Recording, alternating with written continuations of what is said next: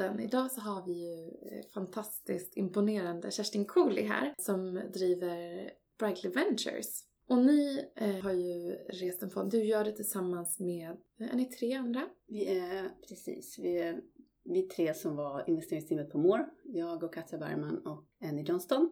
Och så har vi slagit oss ihop med John Elvesjö som är grundaren till Tobii Technologies. Mm. Och sen har vi, eh, vi är faktiskt fem, vi har också en till medarbetare. Kan inte du initialt berätta lite om var du kommer ifrån? Har du alltid tänkt att jag ska jobba med de här frågorna och det här är spännande liksom? Eller har det varit ett bananskal eller?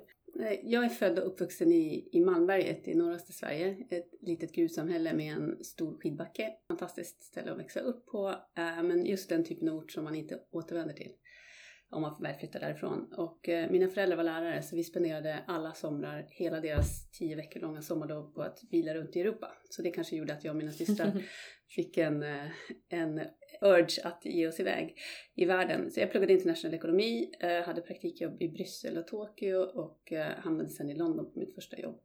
Ursprungligen... Vad var det för typ av praktik då? internationell marknadsföring. Så i Tokyo var jag på Toyotas marketing headquarters och utvärderade analyser från europeiska marknadsundersökningar. Och i Bryssel var jag på SAS som hade ett stort kontor där och hjälpte dem med en rad olika marknadsåtgärder. Mm. Jättekul, båda fantastiska möjligheter.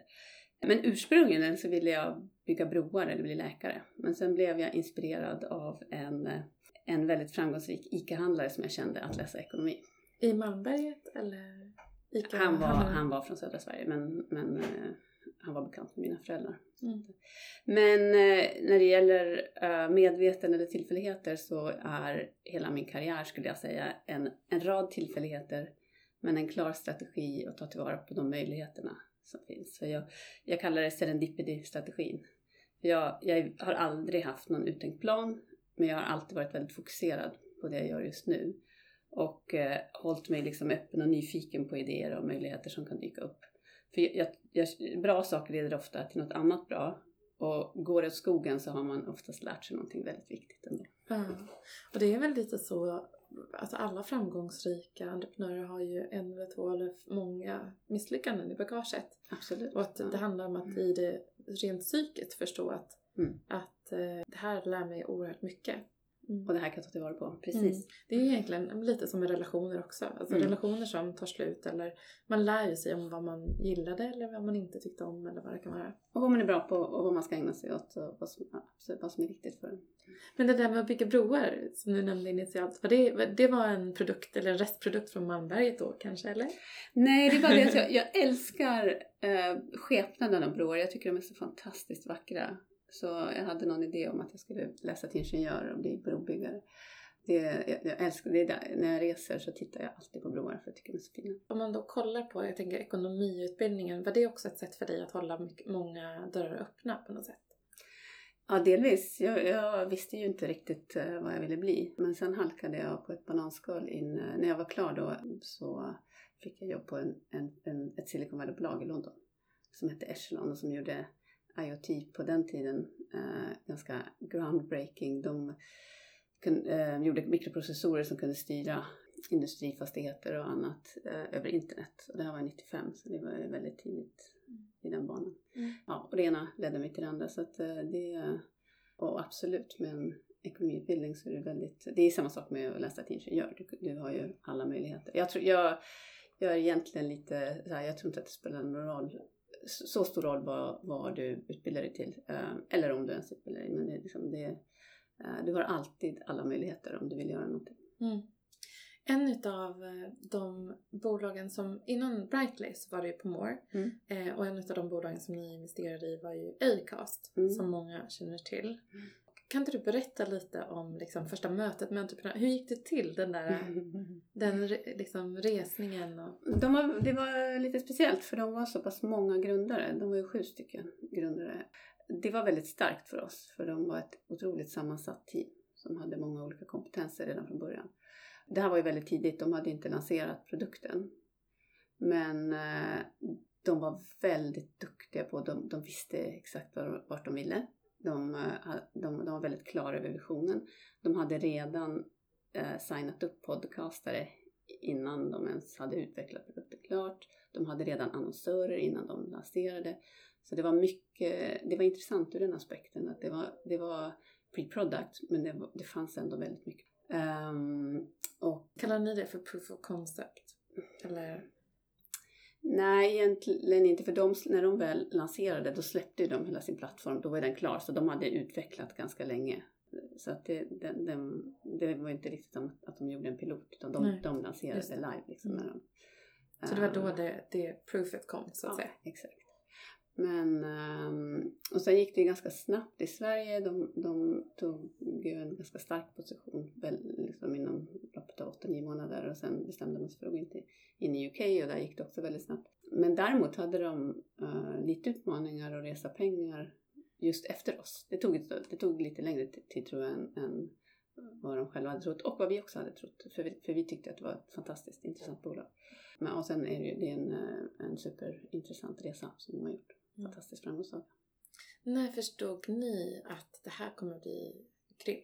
Ja, men vi tänkte det redan, från, redan när de lanserade för att det, det fick sånt fotfäste och det började snurra runt. Liksom. Så vi, vi, var inte, vi var aldrig oroliga att oj det här kommer aldrig lyckas. Eh, inte på det sättet liksom.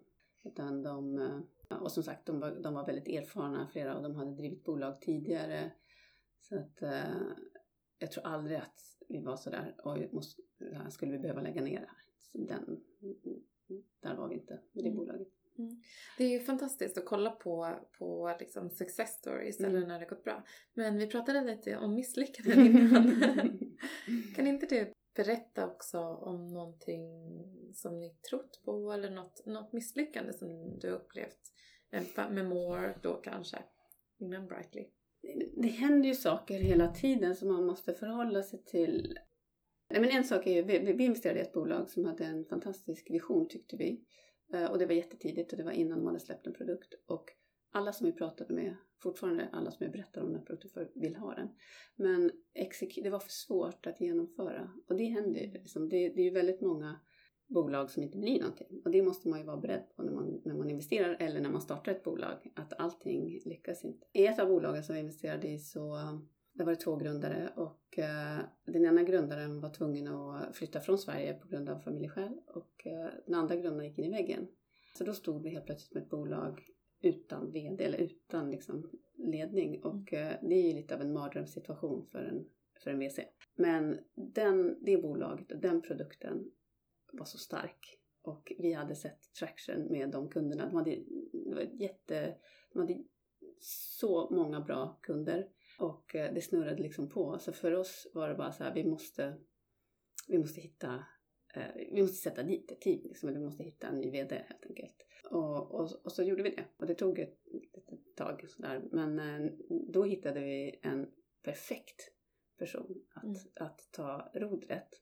Och eh, den ena grundaren som, som gick in i väggen, hon är tillbaka och eh, liksom är med och driver bolaget också. Men, mm. eh, men nu har de, ja, de växt till sig. Till, ja, så det, det gäller inte att ge upp heller, utan eh, göra det bästa av situationen. Mm. När det kommer till eh, att du gick vidare och startade Brightly Ventures tillsammans med Jan Elvesjö. Mm. Vad var anledningen till det och vad, liksom, vad, vad, vad, vad var det som ni ville tänka nytt runt? Men det var så här att Mår var ju ett privat investeringsbolag och inte en traditionell VC-fond utan det var en evergreen struktur där, där vi från början bara hade en stor uh, investerare och sen hade vi tagit in tiotal mindre investerare. Vi, hade, vi investerade totalt ungefär 200 miljoner kronor i 15 bolag så det var en ganska liten portfölj i sammanhanget men, uh, men väldigt, ja, väldigt lyckosamma och fina bolag. Och det vi insåg under de här fem, sex åren som vi höll på var ju hur mycket bra bolag det finns att investera i och att vi skulle kunna göra så mycket större skillnad med mer pengar och stödja fler entreprenörer och bygga, bygga ännu mer bolag. Så när de här 200 miljonerna var slut, då vi hade ganska, under ganska lång tid diskuterat och funderat på hur vi skulle gå vidare. Och då kände vi att vi ville resa mer kapital och gärna lite mer institutionellt kapital. Och ska man göra det, då måste man vara en VC-fond för institutioner har inte möjlighet. Alltså de, de investerar inte i eh, typiskt sett inte i evergreen-strukturer där det finns liksom några stora ägare.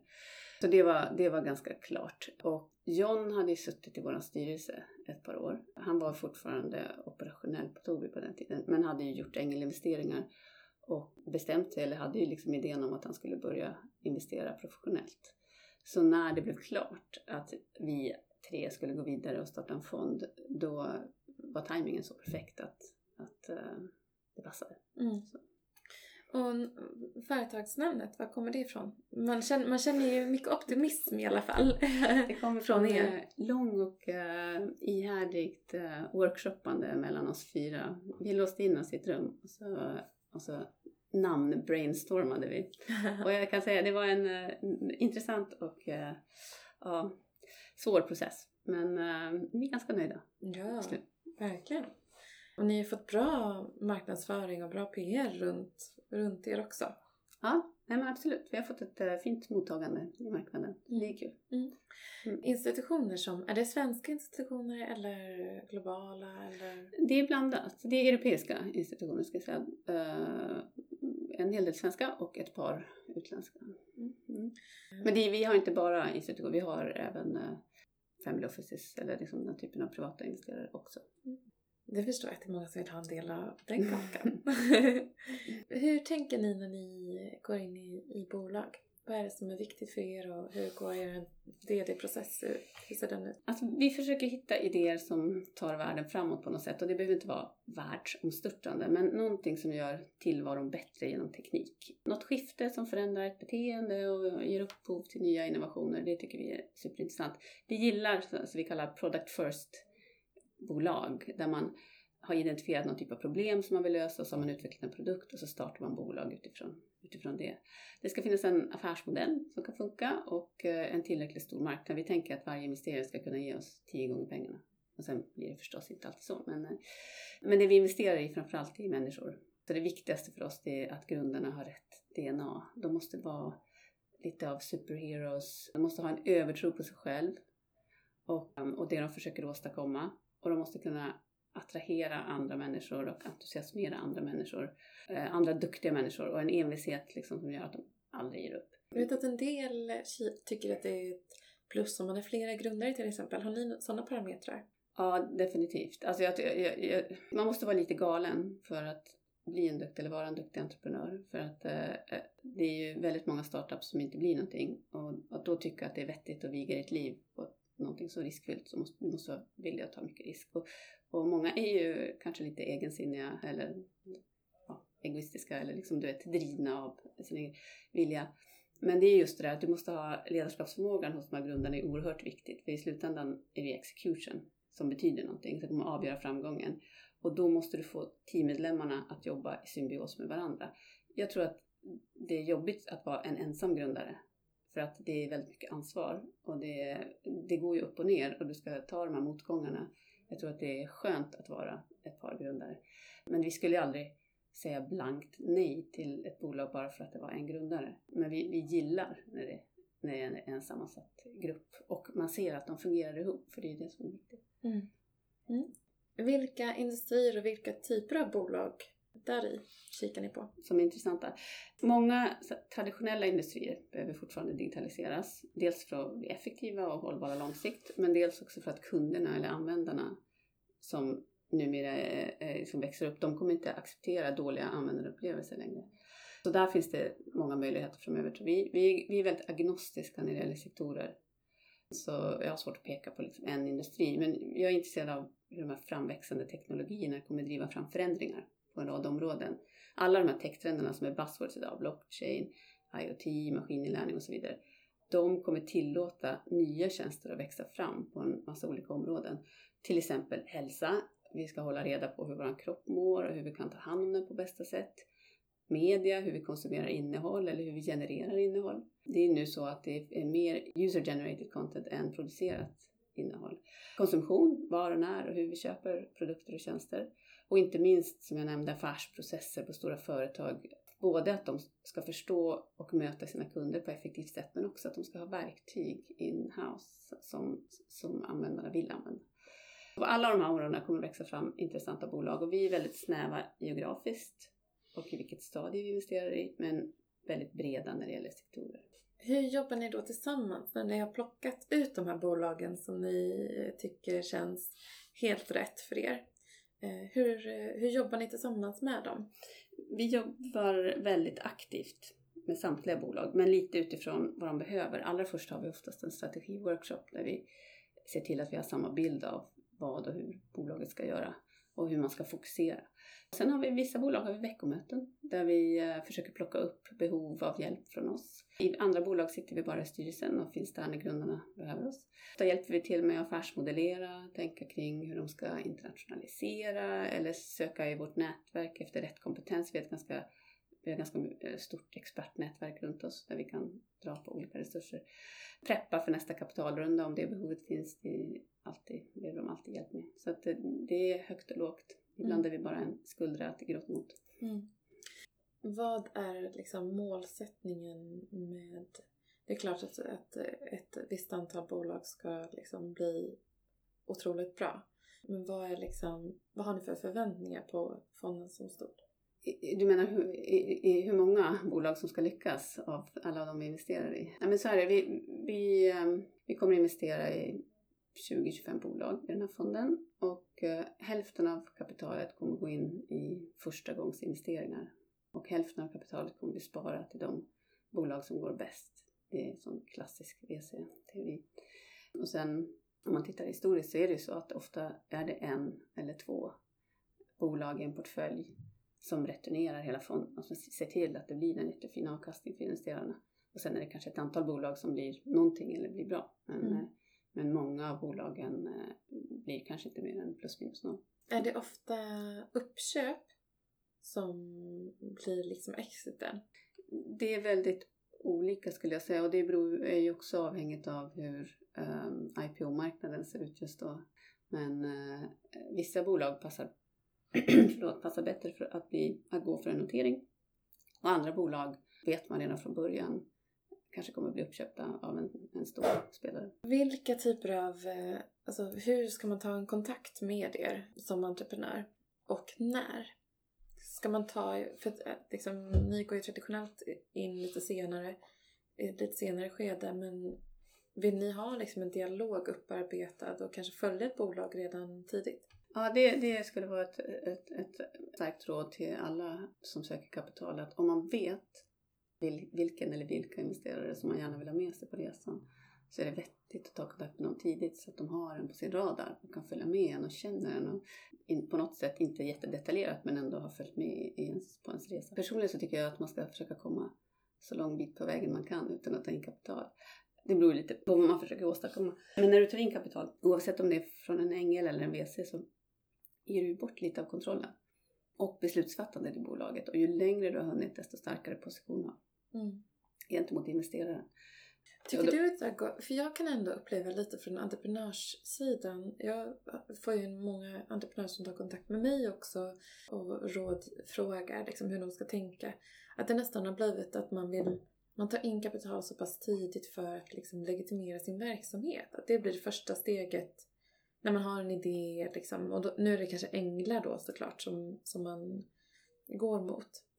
För jag menar för, för liksom 30-40 år sedan så var det ju inte alls så det såg ut. Då jobbade man på mycket i större utsträckning själv. Det kan bero på hur affärsmodellen ser ut idag. Att många bygger bolag som kanske inte är lönsamma från dag ett. Eh, men eh, jag tycker när det gäller änglar så eh, från änglar kan man ju få mycket hjälp om man väljer rätt ängel. Man väljer någon som har kompetens på det området eh, man, man jobbar i. Så, så att det är ju en bättre strategi. Men, men man kan ju också, man ska vara medveten om att man kan söka bidrag hos Vinnova eller ta ett lån hos Almi. Man måste ju inte, för att man tar in kapital måste det ju inte vara en VC eller en ängel eller någon som tar en bit av ens equity. Och det ju, kan ju också vara en styrka när man sen kommer till en investerare, att man själv trodde på idén så mycket att man gick till Almi och tog ett lån eller, eller vad, ja, jag tror att man ska, man ska tänka väldigt länge och mycket innan man tar in kapital. Men som sagt, när, när, när du tar, många som tar in kapital gör ju det för att de, inte bara för pengarna, de vill ha kunskapen, de vill ha bollplanket och de vill ha eh, det som vi kan erbjuda runt våra pengar. Och, mm. andra. och vilken typ av eh, kontrakt eller finns det något liksom standardiserat eller något som... Ja, Om man, går, ett... om man tar in kapital från en VC så är det väldigt standardmässigt. Då skriver man ett investeringsavtal och så ser man till att det finns ett aktieägaravtal som uppfyller eh, VSNs krav. Och om man har ett aktieägaravtal från början så gör man normalt tillägg till det. För att lägga till till exempel rätt för investerarna att vara med och bestämma i vissa frågor eller reglera grundarnas rätt att sälja aktier. Eller, ja, det finns ett antal. Men det är ganska standardmässigt ett investeringsavtal och ett aktieägaravtal. Jag ska säga om ehm, när det gäller att ta in investerare, eh, ehm, ett tips till, till alla som gör det är ju att ta reda på så mycket som möjligt om investeraren i förväg och uh, uh, göra lite due diligence på dem lika mycket som de gör det på dig. För att man ska sitta i den här båten tillsammans väldigt länge och det är viktigt att, uh, att det kommer att funka. Har ni någon syn på om, om bolaget, hur ser ni på ägandet? Vad är viktigt för er när det kommer till den del av ägandet som ni ska ta? Det är viktigt för oss att grundarna äger en stor del av bolaget. Speciellt eftersom att vi investerar så tidigt. Så, för de kommer, om de tar in mer kapital, om det är en sån eh, affär, vilket ju oftast är där man behöver ta in lite mer kapital. Eh, då kommer ju grundarna bli utspädda. Och i slutändan vill vi att de ska ha incitament att driva det här hela vägen till, till finish line. Eh, så därför är vi måna om att, att eh, de äger en stor del av affären. Hur lång eh, tid har ni på er, på er fond? Hur många år? Den är tio år, eh, vilket betyder att vi ska ha betalat tillbaka kapitalet till investerarna tio år. Så vår ambition är att vi ska kunna göra en exit i varje bolag inom 57 år. vet vi ju alla att det kan gå snabbt ibland och det kan ta väldigt lång tid. Så. Eh, vad är det du drivs av personligen då i det här sammanhanget? Eh, jag, har, jag brukar säga att jag har, haft, eh, jag har bara haft roliga jobb i mitt liv. Eh, och eh, verkligen lärt mig jättemycket på alla. Det här är eh, by far det bästa jag har gjort i mitt liv. Jag älskar att jobba, träffa och jobba med entreprenörer som har gett upp så mycket för att göra någonting som de brinner för. Det är, ett- det är ett fantastiskt eh, plats att vara. Och um, mina mål med Brightly, för de, för de närmaste tre åren är mitt mål att hitta uh, ett gäng med bolag som är minst lika bra som de vi investerade i i målportföljen. Och eh, jag har ett absolut mål att generera bra avkastning för våra investerare och göra det genom att hjälpa fantastiska entreprenörer på vägen. Det är i, i, i enkelhet mina Mm. mål. Det låter som att det, det är rätt fokus. De ligger i linje med, med det du gör med, med Brightly. eh, och så spännande att se. Kollar ni på andra länder? Bolag i andra länder? Eller I den här fonden är vi helt eh, Nordenfokuserade och väldigt Sverigefokuserade. Mm. Ska säga. Så att eh, i en, nästa fond så kommer vi kanske att bredda det. Det får vi se. Men eh, just nu är vi geograf. Vad, har ni räknat på, jag tänker då, hur många jobb ni tror alltså att ni skapar och Vi har inte gjort det för den här portföljen men däremot ehm, gjorde vi det och det kommer vi göra även på de här portföljbolagen så som vi gjorde i. Att titta på hur, hur många anställda till exempel finns det i totalt i de här bolagen eller hur mycket eh, hur många dollars skapar de och sådär. Det, självklart kommer vi följa upp metrics på den nivån. Men nu är vi, vi har ju bara gjort fem investeringar och de har vi gjort de, det senaste halvåret så de, har, de är något begränsade siffrorna än så länge. Mm. Eh, Spännande att följa. ja. Vad eh, tycker du är viktigt i relationen med entreprenören? Har du lärt dig någonting, liksom, kanske både positivt och negativt? Vad har, vad har inte funkat och vad har du lärt dig? Ja, det här är bra. Ja, men det, det är viktigt, för mig är det viktigt att man har en öppen, ärlig och rättfram dialog eller relation som är full med skratt, för man måste också ha roligt. Men, men just att man, att man vågar prata om, om även det som är svårt så att, man inte får en, att inte vi får en bild av entreprenören att allting står rätt till eh, fast det inte gör det. Eller att vi inte kan vara med och hjälpa till för att, ja. Så att det, det, det är jätteviktigt för mig att man är öppen. Och där har vi lärt oss att jag förstår också att man som entreprenör inte alltid kanske vill säga allting direkt till sina investerare. Men där har vi lärt oss att det är bra att ha en tät dialog och en tät relation. Och det, det är lite grejer med de här veckomötena också. Det är jättenyttigt för båda parter att hela tiden känna på varandra. Och, eh, det är mycket lättare för oss att hjälpa till om vi vet vad som händer i bolaget. Och det är mycket lättare för entreprenören att kanske rycka i oss. Mm. Så, eh, så det har vi lärt oss att inte, inte bara lämna dem åt sitt öde och checka in någon gång då och då. Utan vara lite mer på tårna. Vad är det vanligaste felet eller misstaget som entreprenörer gör när de tar en kontakt med er ursprungligen? Eller i pitchdecks eller liksom när de, när de söker? Jag uppskattar när entreprenörer har en kortfattad, strukturerad, to the point presentation som förklarar idén, varför den är genialisk, varför den har potential att lyckas, vilka som ska vara med och varför de personerna ska vara med, hur mycket kapital de behöver och hur det ska användas och hur de tänker gå tillväga. Allt det på 15-20 minuter. Det är optimalt. Och sen kan man använda massor med tid i att borra ner sig i sånt som investeraren tycker är intressant. Och så, som jag nämnde, så är vi investerar ju, och det gör ju alla investerare, vi investerar ju i teams. Så det kan vara bra att ha med sig ett par av grundarna om man är flera. Oftast träffar vi bara bolag en gång, så då får man en chans att visa upp sig. Så det är ett stalltips. Mm. Bra, bra tips. Du är ju jätteambitiös och jobbar mycket och liksom har, men som du själv beskriver, höga ambitioner med det du gör och tycker det är kul. Hur får du eh, liksom vardagen att gå ihop? Har du något så här, hur vet du, du har barn, jag har också barn. Eh, alltså, det, man räcker ju inte till någonstans riktigt. Men hur, hur pusslar du? En fördel med det här, just det här jobbet är ju att jag kan styra min tid, vilket underlättar när man har småbarn. Jag har skilt mig nyligen så att när jag har barnen så är min vardag rätt stressig.